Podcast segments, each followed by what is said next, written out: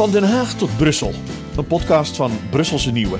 Die terugblikt op het Europese Unie-nieuws van de afgelopen week. Want welke Europese wetten komen eraan die we in Nederland gaan voelen? En hoe proberen Nederlanders in Brussel hun punten binnen te halen? Van stikstof tot migratie, van spoorlijnen tot waterstof. Jasper Roorda kijkt door een Nederlandse bril naar de laatste Brusselse ontwikkelingen.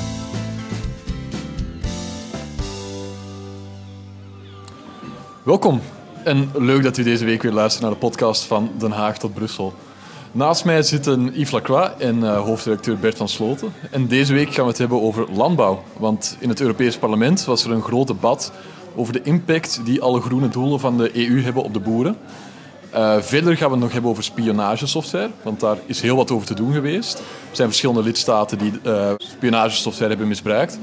En er zijn twee Nederlandse Europarlementariërs die daar een onderzoek naar hebben gevoerd. Maar misschien allereerst om te beginnen, het, het was een speciale week deze week. Het was namelijk de Europadag, de, de feestdag van de Europese Unie. Hebben jullie uh, die nog een beetje gevierd? Uh, nou, niet echt gevierd. We zijn vooral druk bezig met de liveblog. Uh, maar misschien Bert, uh, kun jij wat vertellen over waarom nou Europadag? Ja, dat is gewoon een historische gebeurtenis. Aan de ene kant is het uh, misschien wel het antwoord van Europa op uh, de Russische overwinningsdag, die ze al uh, sinds de Tweede Wereldoorlog vieren. en aan de andere kant is het historisch verantwoord om te zeggen dat Robert Schuman, de Franse minister van Buitenlandse Zaken, op 9 mei ooit een toespraak heeft gehouden waarin hij pleitte voor een soort, ja, wat we eigenlijk nu hebben, de Europese Unie, alleen heette dat anders, namelijk de Europese gemeenschap van kolen en staal. Oftewel de gedachte, als je ze maar met elkaar verbindt, Duitsland en Frankrijk, economisch gesproken, dan gaan ze nooit meer oorlog maken. Ja, in Brussel was er natuurlijk groot feest aan, maar hebben jullie de indruk dat het in Nederland ook een beetje beleefd is? Nou, die, die indruk heb ik niet echt. Er zijn een paar evenementen geweest hier en daar. In Maastricht is het een beetje gevierd door Vols bijvoorbeeld. Maar um, dat het echt leeft, weet ik niet. Nou, het is net als het carnaval, dat komt de grote rivieren niet over. Nou, dit komt Maastricht eigenlijk niet uit. Uh, we waren in, uh, in Den Haag. En uh, daar is een gebouw van de, de, Europese Unie en de Europese uh, Commissie. En uh, daar gingen ze vlaggen hijsen. En het was op zich was dat wel, wel aardig, want die vlaggen van de Nederlandse provincies hangen altijd langs de Hofvijver. Dus bij het torentje van premier Rutte. Die haalden ze weg, s ochtends in alle vroegte, in de stromende regen. En die werden dan vervangen door Europese vlaggen. Nou, dat was wel een beetje het hoogtepunt. En natuurlijk was er een uh, vlagaanbieding in de Tweede Kamer die een beetje uit, uh, uit de hand liep. Waar uh, D66 en Volt een vlag wilde aanbieden aan de Kamervoorzitter. En waar PVV-leider Geert Wilders van zei de fik erin. Um, voorzitter, het is vandaag Europadag. En dus wilden de heer Das en ik u een klein geschenkje geven. Een klein geschenkje. Een klein, een klein geschenkje. Omdat buiten de Europese grenzen deze vlag symbool staat voor, oh, oh, oh, oh. Ja. voor democratie en vrijheid en hoop. Dank. Ik zal aan de bode vragen. Ja. Ja. Ik zal. Kijk. Heren, zullen we misschien van uh, Den Haag naar Straatsburg overgaan? Nou, dat is een goed idee. Ja. Ja, want ik haalde het net al aan. Er was een groot debat deze week, een uh, groot landbouwdebat. Uh, dat, dat heeft heel wat losgemaakt, zeker bij de Nederlandse Europarlementariërs. Want het ging over de boeren en hoe dat zij uh, getroffen worden door alle klimaatplannen van Brussel. Um, bijvoorbeeld Jan Huytema daar heel wat over te zeggen. Boeren en boerinnen moeten echter mee in een red race van steeds weer veranderde wet en regelgeving. Elke keer wordt er een kaart uit het kaartenhuis gehaald en er wordt geen kaart teruggeplaatst. Dit is niet houdbaar. Als je offers vraagt van boeren en boerinnen, geef ze dan ook iets terug. Ja, wat misschien nu wel opmerkelijk daaraan was, is dat het uh, debat kwam op initiatief van de Europese Christendemocraten. En dat, uh, daar heb jij wat in verdiept, Bert. Dat past heel goed in, een, uh, in de ontwikkelingen die we hebben gezien de laatste weken, toch? Zeker. Uh, iedereen wil BBB zijn in Europa. iedereen wil Caroline van der Plas zijn. Dat is een enorm voorbeeld voor, en dan met name de Christendemocraten. Omdat die willen het platteland terugveroveren. Ze hebben berekeningen daar gemaakt. Met name de Duitse Christendemocraten, de CSU uit Beieren, hebben berekeningen gemaakt. Dat ongeveer een kwart van de hele Europese bevolking woont op het platteland.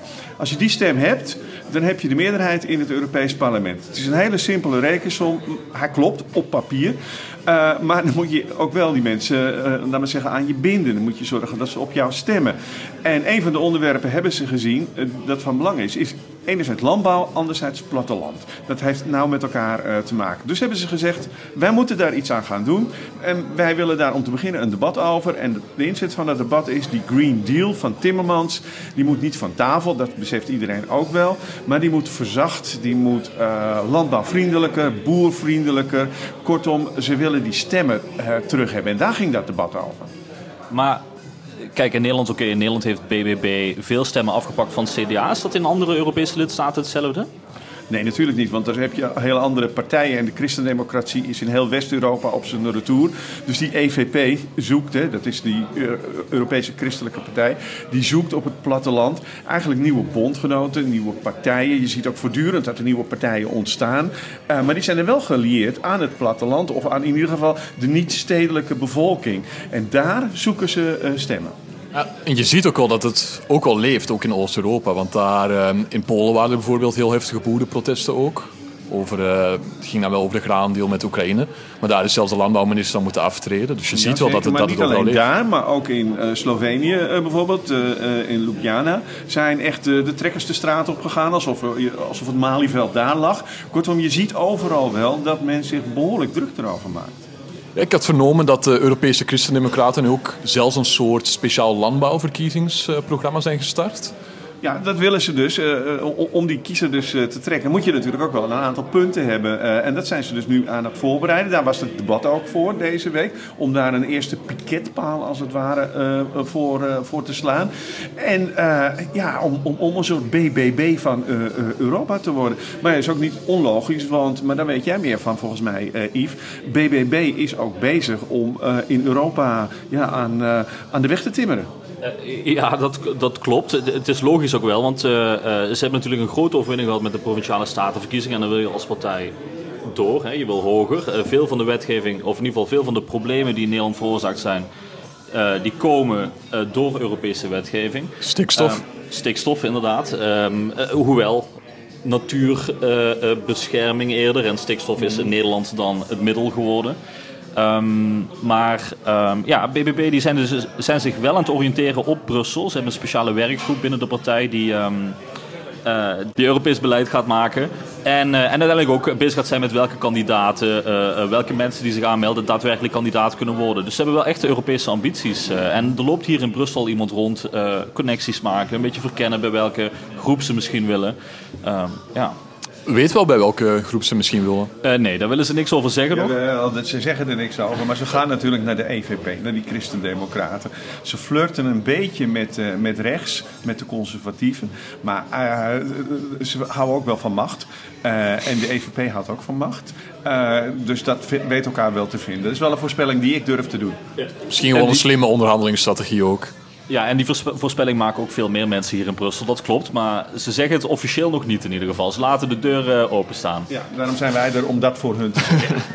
okay. En uh, is het al een beetje duidelijk aan het worden wie hun lijsttrekker zou worden voor de Europese verkiezing? Nee, nog, nog helemaal niet. Het is ook, het is ook heel, erg, heel erg vroeg. Um, uh, de, hoe heet het? Hoe moet je het zeggen? De, de vacature voor Europarlementariërs staat nog überhaupt niet open. Mm -hmm. um, uh, en er moet nog een vacature gemaakt worden. Waar zijn we naar op zoek en zo. Dus daar is het echt nog, nog te vroeg voor. Misschien tot slot nog een heel ander onderwerp: spionagesoftware. Dat, ja, het... Ik kijk al even onder de tafel, maar ik ja. zie niks. ja, ja, we zijn er allemaal bang voor. Hè? En, uh, misschien die telefoon van jou, dat zou kunnen. ja, misschien wel. Nee, het klinkt als iets rechtstreeks uit een James Bond film, maar het is realiteit in heel veel lidstaten, toch? Ja, maar het is, in principe is het realiteit in alle lidstaten. Spionagesoftware mag gebruikt worden uh, door geheime diensten, door politiediensten met uh, hoe heet het, toestemming van een rechter waarschijnlijk. Er zijn, in ieder lidstaat zijn er andere regels aan verbonden. Uh, maar je mag inderdaad iemand afluisteren als die verdacht wordt van, weet ik wat, van, van iets crimineels.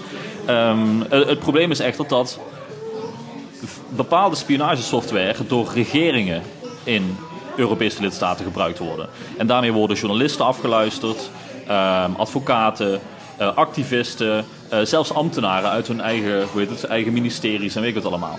Eh, en eh, daar, is de Europese, of daar is het Europees Parlement onderzoek naar gaan doen. Ja. Ja, misschien even ter eh, verduidelijking. Het gaat dus vooral om die Pegasus-software, wat een soort software is waarbij je ja, zeg maar gewoon iemand zijn telefoon helemaal kunt overnemen. Je kunt kijken welke gesprekken ze hebben, met wie ze bellen, waar ze heen zijn gegaan, wat ze in hun notities hebben staan. Dat klopt. Dat klopt. Je, je- de, de hele telefoon wordt er, eh, wordt er door geraakt, inderdaad. Je kan, eh, je kan bij alle informatie. Eh, maar het is niet alleen Pegasus, je hebt ook nog Predator software. Die is gemaakt door een oude ex-Israëlische, hoe heet het, eh, eh, geheime dienst eh, medewerker, zeg ik maar even. Eh, maar dat, eh, dat wordt ook eh, eh, gebruikt. En ehm, ehm, ja, dus die software die wordt niet alleen op Europese burgers gebruikt, maar ook eh, verkocht eh, eh, aan eh, andere landen, zoals eh, Sudan bijvoorbeeld, waar nu eh, een burgeroorlog aan de gang is. Ja, ik haalde het eh, in het begin al even aan. Er zijn dus twee Nederlandse Europarlementariërs die hier namens het Europees Parlement onderzoek naar hebben gevoerd. Dat zijn eh, Jeroen Leenaars van het CDA en Sophie in het veld van D66. Ehm, dat onderzoek zit er dus na 14 maanden, als ik het juist Na heb, 14 maanden, eh, klopt, ja. eindelijk op deze week. Ja. Wat, wat is daar nu juist uitgekomen? Nou, eh, daar is uitgekomen dat er veel aanwijzingen, aanwijzingen zijn dat er inderdaad eh, eh, illegaal gebruik is gemaakt van die software door regeringen. Het probleem waar zij tegenaan lopen is dat ze geen 100%, ze kunnen geen hard bewijs krijgen, want daarvoor moeten ze gegevens van ehm, regeringen opvragen en dat krijgen ze gewoon niet. Ja, die hebben daar geen zin in Nee, natuurlijk. die hebben daar geen zin in. Nee. Eh, in ieder geval, dit zegt Sofie in het veld eh, in haar persconferentie. Eh, dus er zijn een heleboel aanwijzingen. Ehm, ze zijn ervan overtuigd dat het gebeurt. 100% bewijzen kunnen ze het niet. Daar hebben ze extra informatie voor nodig. En daarvan zeggen ze: Europese Commissie, het is jouw taak om ervoor te zorgen dat de Europese wetgeving nageleefd wordt. Dus vraag die informatie op, zorg dat het er komt en neem actie. En mogen we verwachten dat er nu concreet iets gaat gebeuren? Dat, dat zou ik om eerlijk te zijn eh, eh, niet weten. Het, het rapport is echt net, eh, net gepubliceerd of net gepresenteerd. Ehm, eh, wat de commissie nu gaat doen, dat moeten we nog even zien. Oké, dus wordt vervolgd. Wordt vervolgd, ja. Oké. Heren, dankjewel uh, om er weer bij te zijn. Ja, graag gedaan. En uh, ik, ik, zou zeggen, proost. Nou, nou uh, bedankt uh, voor het luisteren weer. Graag zie ik u volgende week vrijdag weer terug. En uh, nu ik toch uw aandacht heb, like, subscribe, alle socials van Brusselse Nieuwe. En ja, tot volgende keer. Tot ziens.